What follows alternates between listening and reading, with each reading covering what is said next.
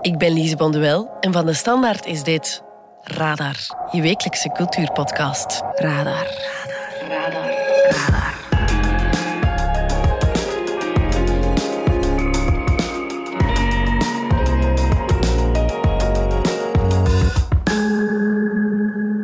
Hij is een meester in het creëren van imaginaire werelden om in te verdwalen.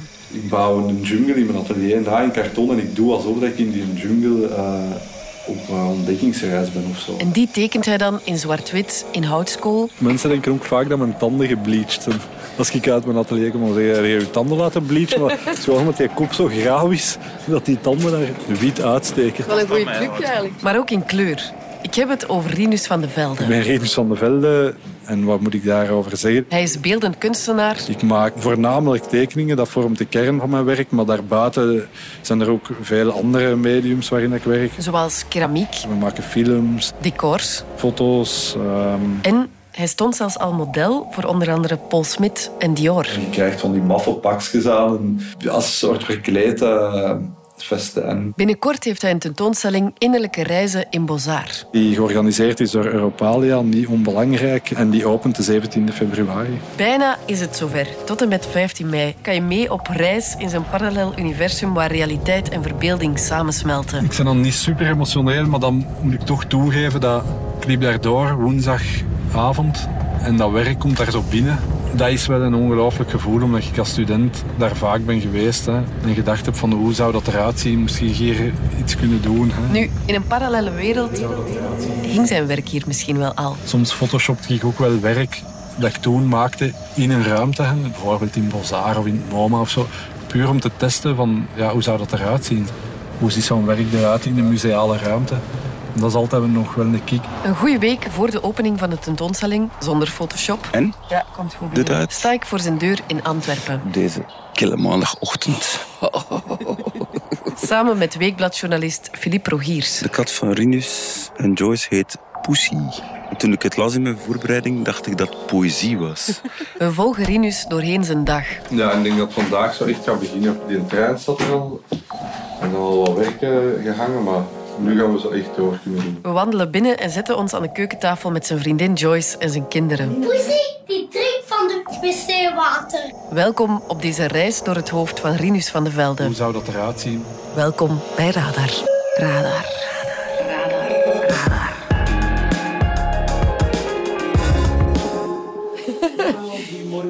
Het is 7 uur 30.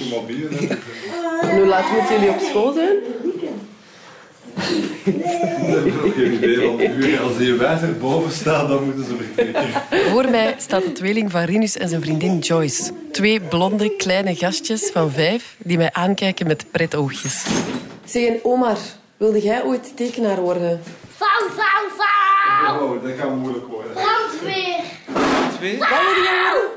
Ik dacht, kom op. Ik ga dat zien, dat is en ik zou wetenschapper worden. Ah, dat en dan ga ik in de woestijn dino-skeletten zoeken. Ja.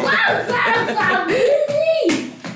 Ineens staat de wijzer bovenaan en moeten ze naar school vertrekken. Zeggen jullie dag tegen mensen? Dag! Dag. Omar? Dag! Lieve lied! Hier. Oh, there you go. Even oplichten. Meestal, ja, ja, zeker. Nu van een dag beginnen. Waar jij voor die ochtend Nee, totaal niet. Oh man. Je hebt gewoon ochtend- en avondmensen. Ik heb de pay dat ik nu een avondmens ben met kinderen.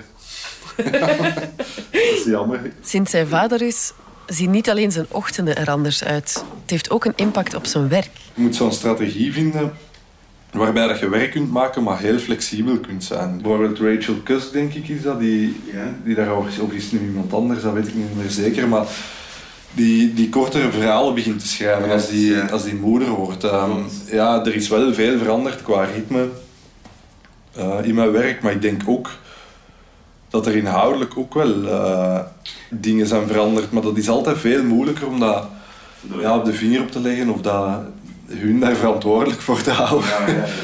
Maar er is nog iets anders dat zijn werk binnensloopt. Maar ik denk bijvoorbeeld, wat ik wel al eens eerder heb gedacht, is eh, met kijken naar tv samen met hen of zo. Vroeger keken wij veel naar Pingu. En er komt zo'n soort andere beeldtaal ook eh, op je af. Hè. Een beeldtaal dat je al lang niet meer hebt gezien, zo van die gemodelleerde mannetjes en zo die soort Wallace en Gromit-achtige. Allee, je hebt nu zo Shaun the Sheep en, en eh, Pingu en, en al die dingen.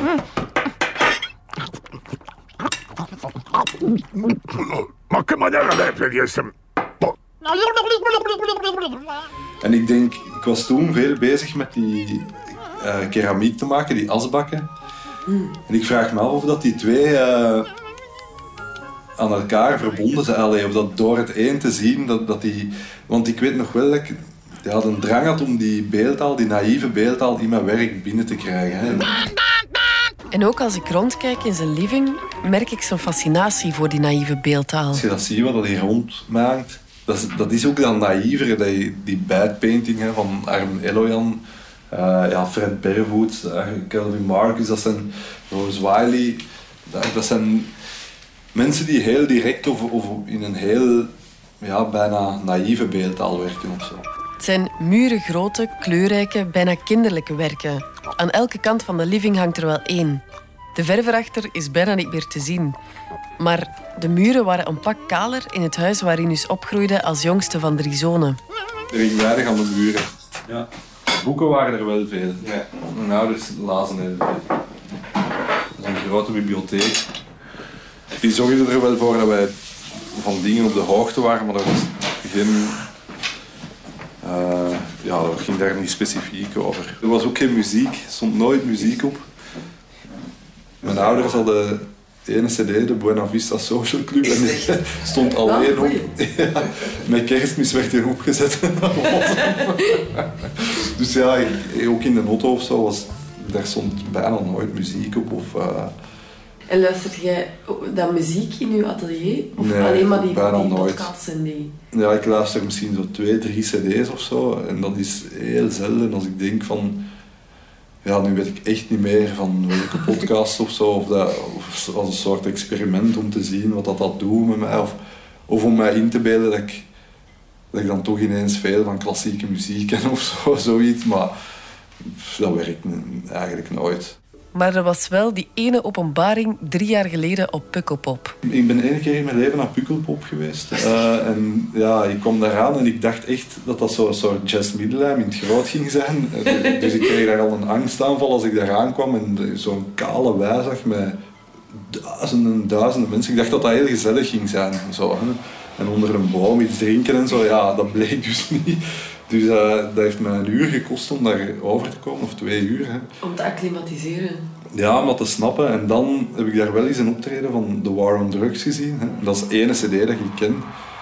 En toen besefte ik ineens van, ah ja, zo werkt muziek of zo. En dat was een ongelooflijke avond. Hè. Allee, dat, ik heb me daar keihard geamuseerd. En terwijl hadden ze iets in mijn glas gedaan, maar ik was intens gelukkig. Geen muziek dus. Het hart van de muziekliefhebber in mij is helemaal gebroken. Maar feit is dat zijn brein voortdurend gevoed moet worden. Dat bewijst ook zijn boekenkast. Ja, hier staan zo wat de romans en, de, ja, en dan in het atelier staan de kunstboeken. En ook tijdens het tekenen wil hij zijn brein voeden. Ik luister altijd naar die audioboeken en zo, hè, terwijl ik aan het tekenen ben. Ja, dat komt er ook, ehm, Echt? dat komt er ook in en dat, dat is ook een soort inspiratie en een, een gevoel. Misschien is dat ook weer dat woekerend gevoel dat je denkt van dan doe ik tenminste twee dingen tegelijkertijd of zo. Dan ben ik een boek aan het lezen en aan het tekenen. En ik merk dat die tekeningen beter worden naarmate dat ik meer met die boek bezig ben. Voor het boek waarin hij binnenkort wil beginnen lezen, De Klepper à la recherche du temps perdu van de Franse schrijver Marcel Proust, bereidt hij zich nu al voor. Zoals een atleet zich voorbereidt op een wedstrijd. Of als een marathonloper die zich voorbereidt op een marathon. Ik ben nu naar zo'n hoorcollege over het luisteren. Dat zijn zo'n hoorcolleges, dan krijg je zeven uur lang zo'n proefantwoord. Dus ik dacht, ik kan me beter voorbereiden. Hij wil het eerst graag allemaal begrijpen. En dat is ook de manier waarop Rinus graag naar kunst kijkt. Ik lees over een kunstenaar en dan ga ik dat werk bekijken of zo. Ik heb het heel moeilijk met in een museum binnen te stappen en puur te kijken of zo. Of, of, of een roman vast te pakken en, en te beginnen lezen of zo. Ik heb heel veel nood aan randinformatie. Dat maakt dat voor mij bijzonderder. Ehm, ik herinner me nog de eerste keer dat ik naar het SMAK ging. Dat was een tentoonstelling van Luigi Ontani. En Ik zag daar een vrouw en die barstte in snikken uh, uit voor een beeld. Allee, die, die begon te huilen. Hè. En dan een paar zalen verder zag ik die schaterlachend uh, voor, voor een werk staan. Oftewel was die vrouw mentaal gestoord, hè, dacht ik toen. Oftewel, ja, heeft hij daar toch een soort emotionele reactie bij die ik nooit heb gesnapt. Die, dat zal mij nooit overkomen, denk ik. Allee, dat is mij nog nooit overkomen, laat het mij zo zeggen. Ja. Hoe wordt deze man dan kunstenaar, vroeg ik mij af. Daarvoor moeten we zoveel jaar terug, naar een kamertje in Haasrode. Je bent 16 jaar, je ligt in een zetel en gezapt. En ineens zie je Jean-Michel Basquiat in de kelder wilde schilderijen maken met free jazz. En, uh, en er, ik herinner me nog die scène dat, dat zijn galeriste dan naar beneden komt in die kelder en met twee verzamelaars. En je denkt, oeh, die verzamelaars zijn geïnteresseerd in die schilderijen. En, zo, en die, die doeken liggen allemaal verspreid over de grond. En die is gewoon in zijn eigen universum. Misschien gaat het daar ook een beetje over. So you want to do stuff? Because I felt like it. Because you felt like it.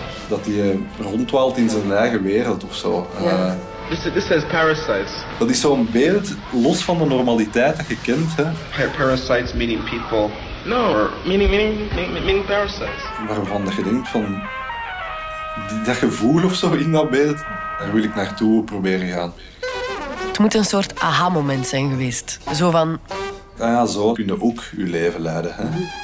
En dan was er ook nog wel die ene beeldhouwer in het dorp. Dat was zo de enige beeldhouwer in het dorp. En ik ging daar af en toe langs en dat was zo ja, een soort plek buiten, buiten dat dorp precies. Hè. Dat stond daar zo wel los van. En dat was, ja, was een beetje een bohemiaachtige figuur die daar in een klein atelier uh, Rodin-achtige beelden maakt, maar die, die leefde daar in een soort vrijheid. Hè. Die, dat huis dat was ook wat rommeliger, of dat, allee, dat was zo zelf ingericht, super mooi. En die tuin was wat wilder en zo. Dat, dat paste niet echt binnen die dorpstructuur of zo. Um, Zo'n idee van eh, je kunt het ook zelf invullen op een singuliere manier, op een eigen manier of zo. Het hoeft niet ja, een voorbestemd pad te zijn of zo. Daar werd dat zaadje dus geplant.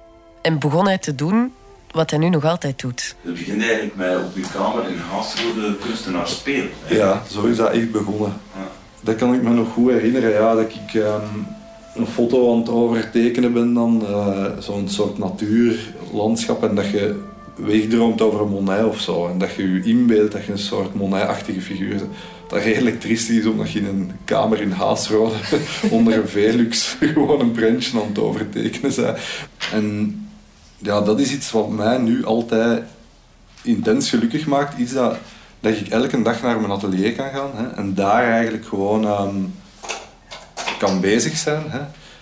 En waar dat die tentoonstelling in Bozar natuurlijk over gaat, dat je daar kunt dagdromen. Die een dagdroom is een super um, belangrijke term, vind ik. Of die, dat ik een manier heb gevonden in mijn leven om die dagdroom productief te maken of zo. Hè. Iets wat dat eigenlijk heel onproductief is, of wat dat heel, uh, ja, voor veel mensen een soort tijdverspilling is, of iets dat ze alleen in hun vrije tijd kunnen doen, dat, dat, maakt me, dat maakt me blij. Het geeft hem een soort van vrijheid. Dat is zo'n soort mentale vrijheid. Want vrijheid kun je, ja, ik heb totaal geen interesse in een fysieke vrijheid of zo, om maar te gaan en te staan waar ik wil, of heel de wereld rond te reizen. Ik denk dat dat ondertussen duidelijk is dat dat niks voor mij is.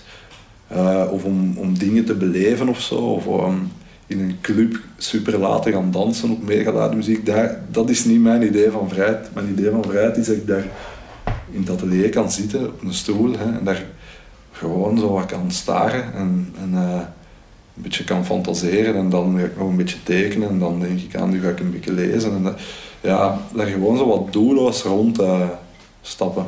In plaats van hetzelfde beleven, beeldt hij het zich veel liever in. Hij reist veel liever in zijn hoofd dan in het echt. Als een sofareiziger. Dat bewijst ook deze reis als kind met zijn ouders naar de Grand Canyon. Ik met mijn ouders naar de Grand Canyon ging. En eh, na heel die vlucht en, die urenlange rit over de woestijn met een auto, uh, zijn we er eindelijk. En, en zeggen mijn ouders, ja oké, uitstappen. Hè. Uh, we gaan nu kijken naar de Grand Canyon. En toen ben ik blijven zitten in de auto. Ik heb gevraagd, ja, ik had geen zin of zo. Ik was ook een beetje een irritante puber. Dus ik heb nooit die Grand Canyon gezien. Hè. En ik ken dat eigenlijk alleen vanuit de, het werk van Hockney. Hè, dat, ja, ik heb daar wel al eens een foto van gezien, Ja. maar ik ken, ik ken het beste vanuit die kunst. hè. En dat is voor mij, achteraf gezien, ben ik daar ook blij mee ergens. Dat dat, er is niemand die de Grand Canyon op zo'n knappe manier heeft kunnen weergeven als David Hockney. Hè. Ja. En dat heeft voor mij veel meer impact, of dat zegt veel meer, dan dat ik daar effectief aan dat relings had gestaan en naar een soort wijds landschap zou hebben staan staren en hebben gedacht van en nu moet iets voelen. Een Ja. soort subliem gevoel van ehm, dat me toch negen kansen op tien niet, niet gelukt op die leeftijd of zo. Of Ja. allee, niet gelukt. Eh, en dat is ja, een beetje een pleidooi, vind ik, voor ook... Je kunt ook op andere man- manieren iets, iets beleven of... of eh, of door erover na te denken, over, of door imaginair ergens naartoe te gaan, of over, erover te dagdromen, of over een soort mentale reis te maken, een soort Pessoa-achtige manier van, eh, van iets te beleven. Daar zit ook heel veel in. Hè. Je kunt ook gewoon in je zetel zitten en nadenken van hoe zou de Grand Canyon eruit zien.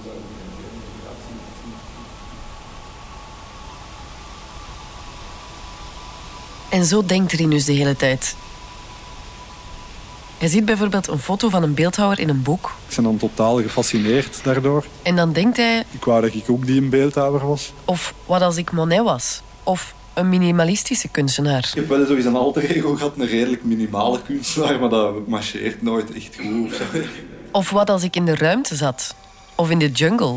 Ik bouw een jungle in mijn atelier na in karton en ik doe alsof dat ik in die jungle op ontdekkingsreis ben of zo. Eh, ik zal nooit echt, ja, daarvoor ik veel te angstig. Je ziet dat super duidelijk aan Sonja en oma ook, die doen dat ook, die beelden zich iets in. Hè. Ja, elk kinderspel is van, ik ben, nee, ik was is dat dan altijd. hè. Ja, ik, ja, ik was Michael Jordan. Zo, hè. Ja, en dan ze die ineens, hè, Michael Jordan of zo. Dat, Snap je, het is die verleden tijd. Ik was, hè. Dus is in mijn werk ook nog altijd. En u inbeelden dat je iemand anders. Hè. Ik was... ehm hindert u, ja, een, ja, een schaakgrootmeester, Bobby Fischer. Hè. Ik, was, ik was Bobby Fischer nu even. En ik zit in deze stoel, hè, maar ik was die en jij waart Boris Pasky en we spelen tegen elkaar. Is die...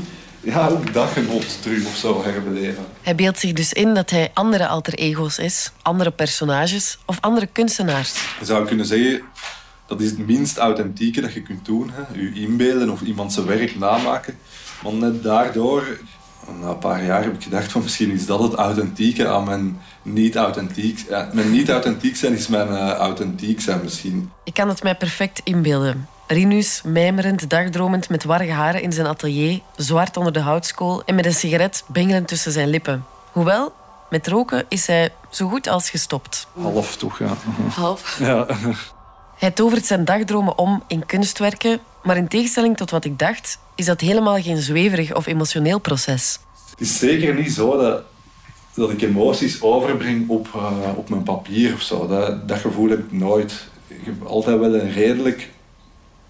Machinaal is het een beetje te negatief of zo, maar, een soort, ja, zo'n soort verwerkingsmachine, zo beelden die door mij komen hè, en die dan die constante stroom aan beelden probeert te, te vatten in een systeem, hè, in een narratief systeem, eh, waardoor dat, dat betekenis krijgt of zo. Eh, dat is die een drang om, om daarover te lezen of extra informatie. Dus alles proberen te, in één systeem te vatten of te catalogiseren bijna. Eh, ja, het sluit meer aan bij, een robotachtige structuur hè, of, of iets mechanisch dan, dan bij iets heel emotioneel. Die dat, dat is niet dat als ik me een dag slecht voel of zo, zal ik dezelfde tekening maken dan de volgende dag als ik me heel goed voel, denk ik. En hij werkt ook ongelooflijk snel. Een criticus zei zo van, eh deze werk is ehm, Philip Guston op speed of zo. Eh, en Philip Guston is al redelijk snel. Dus, allee, dan- We stappen naar zijn atelier. Ik heb heel lang geloofd van kunst en leven moeten in elkaar vervlochten zijn. Op vijf minuten stappen van zijn huis. Maar dat is ook maar weer zo'n idee of zo'n soort citaat waar dat je je leven rond opbouwt. Vroeger Maar anders- woonde hij boven zijn ja. atelier. Het is nog altijd super dichtbij. Hè? De kinderen komen nog altijd in het atelier. Dat vind ik belangrijk. En Joyce komt daar ook nog. En er Ja. komen ook nog wel vrienden op Maar bezoek. Maar sinds een maand geleden hoort ook deze wandeling erbij. het idee dat ik dat klein wandelingsje kan maken en terug kan, dat is echt super goed voor mij. Want vroeger waren wij toch veel aan het eten en dan denk je, ah, ik ga nog die mail snel sturen. Ja. Ja, je is zo heel onrustig of zo. En dan zijn we er. In een ruim, lichtrijk atelier, Dus en hier maakten wij vroeger al die decors. where the magic Het happens. is ook heel de film die daar in Beaux-Arts te zien is, de nieuwe tweede film, is ook helemaal hier, eh, hier gebouwd. Het is een immense hal. En wel gezellig. Dank u. Ook al schaamt hij zich naar eigen zeggen voor de Ik rommeligheid. bedoel niet, het is geen Francis Bacon atelier waarin dat je niet meer kunt rondstappen of zo, maar het is wel stoffig en er ligt overal stof en houtskool. Maar het is vooral, Het is mijn plek, het is helemaal mijn plek zo. hier hangen overal werken van hem aan de muren. Liefst zoveel mogelijk. Soms opzettelijk een werk met een defaut dat nog interessant zou kunnen zijn. Maar het is niet zijn enige atelier. Er staat er nog één dat groter is in Wilrijk, waar meer ruimte is om die levensgrote decors te bouwen. Die jungle, maar ook de trein die je kan zien in Bozar, waar al die nieuwe werelden ontstaan. Ja, het is iets waar dat dingen groeien of, of gemaakt worden. Ik, je bouwt een ruimte of je, je creëert een plek en daarin kan van alles gebeuren. Zoals die plek in Wilrijk. Je maakt daar ander werk ook. Omdat Ja. het is een grotere plek, dus je begint groter te bouwen. Je moet daarmee omgaan. Ja. Er is een hele grote analogie tussen de plekken waar dat kunst gemaakt wordt en welke kunst dat er gemaakt wordt. Je kunt niet... Oh, ik ben begonnen in een klein appartementje te tekenen. Ja, toen maakte ik kleine kleurpotloodtekeningen Ja. en tekeningen die onder mijn zetel konden gestockeerd worden. Ja, en dan altijd, dat wordt altijd een beetje groter en groter. En ja, uw werk evolueert mee. Ja. Zijn werk evolueerde samen met hem, met zijn leven, de komst van zijn kinderen, zijn atelier. Zijn werk werd groter, weer kleiner. Hij experimenteerde met keramiek, film, 2D, 3D, zwart-wit, kleur. Maar er is één constante die blijft. Dat tekenen, ja, dat blijft, dat blijft zo. Dat kan ik me niet wegdenken. Al die andere media, kan ik, daarover kan ik denken, dat kan ik een jaar niet doen of zo. Ja. Ehm, maar dat tekenen, dat gaat niet. Dus daar zit wel duidelijk een soort kern in of zo. Hij houdt van de snelheid, de toegankelijkheid van het tekenen. Pen en papier. Of potlood en papier. Meer heb je niet nodig. En ook het democratische ervan, dat iedereen heeft getekend van ons. Hè. Dus Sonny en Omar zijn nu ook aan het tekenen. En er staat hier een pot stiften op tafel en er ligt wat papier. Dat is het meest democratische medium dat er is. Terwijl Ja. niet iedereen van ons heeft een olieverfschilderij gemaakt. Hè. Dus het is een soort zo toegankelijk ding. Je hoeft maar dat papier te pakken en je bent vertrokken of zo. Dat vind ik ook een mooi idee. Dus al die dingen samen, eh, denk ik dat ik toch een tekenaar ben. Zo'n 15 jaar geleden, aan de start van zijn carrière, wou hij voor de rest van zijn leven niks anders dan dat. Tekenen en er een meesterschap in ontwikkelen. Meester worden in... houtschool op papier of zo. En ik ga de rest van mijn leven, dat is ook een soort autistisch controle, freakerig kantje aan mij, van ik ga dat voor de rest van mijn leven doen. Hè. En ik ga daar een soort meesterschap in proberen te ontwikkelen. Maar na 15 jaar denk je ook wel van, oké, ja, het moet ook interessant blijven in het atelier. Dat is eigenlijk Ja. een beetje de enige regel dat ik heb. Het moet voor mij blijven marcheren in het atelier. Nu, dat controlefriekerig kantje zit er nog altijd wel in. Als Rinus een idee heeft, gaat hij daar de volle 100% voor. Het is een soort van alles-of-niks-principe. Ik kan heel moeilijk eh, twee dingen tegelijkertijd doen of zo. Hè. Dat is, bijvoorbeeld als ik die asbakken dan maak, dan bel ik naar de galerie en dan zeg ik vanaf nu maak ik alleen nog maar asbakken. Gelukkig weten die al lang hoe dat ik in elkaar steek en denken die, laat hem nu maar even doen. Binnen een week is hem toch ook terug aan het tekenen en is hem bij alle. Maar voor mij is dat heel belangrijk. Ik herinner me nog zo'n periode op het dat ik dan dacht ik, ga alleen nog maar tekeningen maken van de meter en 10 op 73. Dat is zo'n soort standaard Steinbach-formaat. En ik moet daar dan echt in geloven van, dat is wat ik nu voor de rest van mijn leven ga doen. En daardoor krijg ik ook een soort energie of zo, om, dat, Ja. om daarin voor te gaan en daarin te volharden of zo. Want als ik zou zeggen van, ik ga dat nu een dag of twee doen, of zo, dat, dat is niet, niet stevig genoeg. Ja. Snap je? Dat, Ja. dat moet ook, daar moet zoiets onontkoombaar aan zitten of iets, iets woekerend bijna weer aan zitten. Zo van, en, ik zal, en ik kan er zo duizenden maar Allee, er zit Ja. altijd een kwantiteit in ook. Een, een soort obsessie of een soort onverzadigbaarheid. Of een, eh, dan doe ik dat twee weken en dan begin ik te voelen, nu wordt het automatische piloot en dan verlies Ja. ik mijn, mijn eh, interesse daarin of Ja. zo. Het is onontkoombaar, onverzadigbaar, obsessief. De ideeën komen en ze moeten eruit en liefst meteen. Zelfs als hij zich bijvoorbeeld afvraagt... Hoe zou het zijn om een, eh, stockbroker te zijn, zo aandelen te verkopen en dan uh, zou ik dat interessant vinden. En dan denk ik, ah, ik zou heel die atelier leeg kunnen maken en dan strakke bureaus hier installeren en dan 30 man aannemen. En die zitten allemaal voor een bureau en je wordt allemaal gelaten. En printers en zo, die, die beginnen werken en grafieken. En, en uh, ik loop hier rond als een soort CEO. Hè. Dan beeld ik me dat in. Dan denk ik, ik ga zo'n decor maken of zo. Hè. Dan bouw ik maanden aan zo'n decor. Hè. En dat stilt mijn verlangen. Maar je moet er wel iets mee doen, want anders gaat het niet weg. Ja, anders blijft dat in mijn kop zitten. En van zodra ik dat visualiseer of dat uitwerk... Dan wordt zijn verlangen gestild. En het moet lukken, want hij zit weer met een idee. Hiernaast is een stukje grond dat, dat braak ligt. Hè. Daar hebben ze een... Ik heb jaren zitten nadenken van stel je voor dat hier een deur was en ik zou die open doen en daar, hierachter was een zwembad. Hoe zou, dat, zou ik daar dan in zwemmen of niet? En naast je atelier. Ja, en, die droom, en dan ben ik aan het denken van... Ik ga dan dat zwembad zo doen en dan zit ik daar uit te tekenen. En dan, dan moet met hout zijn en dan moeten er bankjes zijn. En dan komen er lokkers. En dan op die lokkers hangen namen van mijn vrienden. En die hebben allemaal hun eigen lokker, dat die een zwemgrief daar kunnen inleggen. En dan zijn die altijd welkom. En dan hang ik daar twee schilderijen van Anke Waaier. En daar hang ik een Armen Elojan. En kun je dan tegen water? Ja, dat zal wel lukken en zo. Hè. En zo gaat die droom eigenlijk verder en verder en verder. Soms jaren aan een stuk zit die droom te rijpen en te rijpen. En dat wordt zo ambetant ook op den duur. Hè, dat ik soms denk van... Ik ga het gewoon doen, want dat moet uit mijn hoofd. Hè. Natuurlijk, bij dat, dat gaat niet, want dat, dat kost te veel geld en dat, dat is te omslachtig. Hè. Dus dan moet ik andere strategieën vinden om daar overheen te geraken. Dus misschien zou ik met dat zwembad dat gewoon eens moeten maken. Snapte? Zo'n zwembad. En dan die twee ankerwaaiers, die lokkers en die dingen. En dan kan dat zo kan dat rusten. Ja. Of bijvoorbeeld, wacht, deze decor. Dat hebben we dan helemaal gebouwd. Hè. Daar hebben we nooit iets mee gedaan. Dus dat gebeurt ook soms. Hè. Dat is een heel tankstation dat we hier dan aan het bouwen zijn. En dan uiteindelijk vind ik niet de juiste compositie of zo. En... Hoe groot was het? Ja, dat is levensgroot. dat is levensgroot. ja.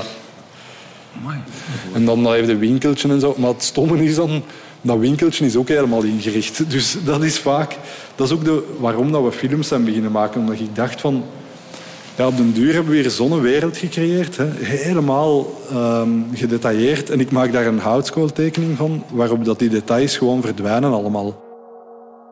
Rinus wijst naar een stuk decor uit zijn boek. Het is een winkeltje in een tankstation tot in de puntjes nagemaakt. Dus bijvoorbeeld, wacht als ik nog eens even terug mag hier. Op die huid staat Stanny-servies. Dat is omdat we altijd in dat café de Stanny gingen eten. Hè. Dat is ook in dat lettertype geschreven en zo. Ja, daar hebben we een halve dag aan gewerkt bijna. Aan dat daarop te zetten, dat daarop te schilderen. Die blaffe turkens daarvoor te hangen en zo.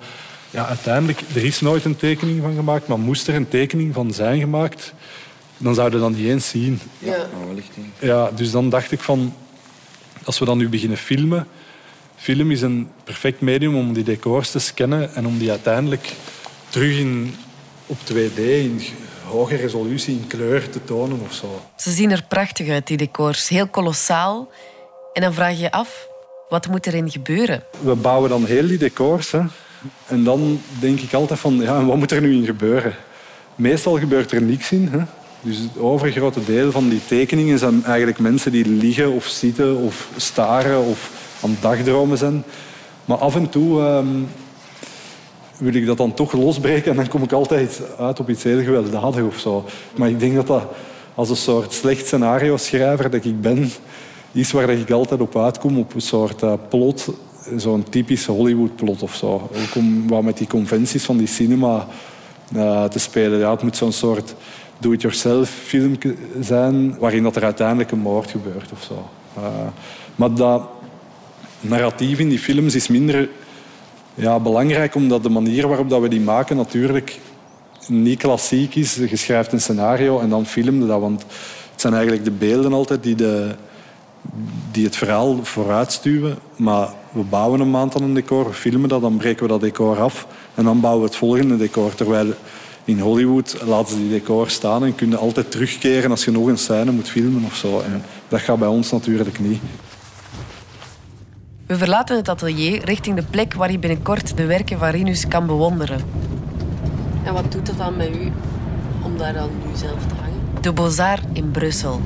Ja, ik vind dat altijd mooi, zo die, dat begin van die opbouw, dat is zo precies, ik had dat met smak ook zo, die deuren openen zich zo precies. Dat is zo'n soort generositeit, zo van, en nu is dat nu, hè, je mag hier doen, je mag hier je wereld komen bouwen. Zo. Ik vind dat een ongelooflijk eh, privilege om dat te mogen doen. Als je een vraag krijgt van, van een instelling of een galerie of zo, van wil je een tentoonstelling maken, dat vind ik eigenlijk een ongelooflijk moment, omdat dat, dat houdt in dat er dat dat werk zich kan uitbreiden. Ja. Uh, Wat bedoelde met groeien en uitbreiden? Op ja, dat er meer dat, dat werk kan woekeren. Dat, eh, ja, dat, dat het... Eigenlijk is zo'n vraag van wil je iets doen in Bozar is voor mij een gelegenheid om nieuw werk te maken en om, of om een constellatie van werken te bedenken en een nieuw hoofdstuk aan, dat, aan, aan mijn werk te breien of zo. Ja. Of, eh, ja, het feit dat ik nu met bruikleden ook heb kunnen werken van andere kunstenaars, vind ik ook een, een privilege. Dus het is een tentoonstelling die, die hoofdzakelijk over mijn werk gaat, maar met zijtakken naar kunstenaars die in, in hetzelfde thema hebben gewerkt of die daar een aanvulling aan, eh, bij, ja, aan geven. Ja. En eigenlijk maak ik in mijn, in mijn werk al, ben ik al een soort curator, hè, door sommige beelden na te tekenen of kunstenaars erbij te halen of in gesprek te gaan met, met kunstenaars die mij inspireren. En dan, ja, hier is dat dan, krijg ik de kans om dat echt effectief te zeggen van ah, het zou fantastisch zijn om een Rousseau erbij te hebben. En dan gaan zij op zoek naar een Rousseau en dan uiteindelijk hangt er een Rousseau. Of, ja, Ah, oké. ja. Hoe heel die tentoonstelling is opgebouwd naar die film toe. Hè. Dus je krijgt eerst een, een miniatuurwereld. Allee, eerst een soort plenarisme, dan een studiopraktijk en dan een miniatuurwereld die in beweging komt. En waar dat die in beweging komt, die wereld, staat bijvoorbeeld een Tanguy hè, als soort ehm, eh, representant van de kinetische kunst of zo. Maar ik vind dat super knap dat daar een Tanguy gaat staan. Ik ben ook echt enthousiast dat, dat ik die zelf ga kunnen zien. Dat ik daarmee ga kunnen werken, dat ik die ga mogen installeren. Zeggen van iets meer naar links, iets meer naar rechts. Ja, dat is een soort... eh, ja, is natuurlijk een droom of zo om dat, om dat te kunnen doen. Ja. En om Tanguy, ik heb dan tekeningen gemaakt in relatie die, die spreken over Tanguy of die, die gaan over die figuur of zo en die hangen daar dan bij. En ja, zo wordt dat één groot verhaal of zo. En dat bedoel ik ook met die potentie of met die, met die kans om, om in zo'n museum een extra verhaal te maken of een extra dimensie te geven.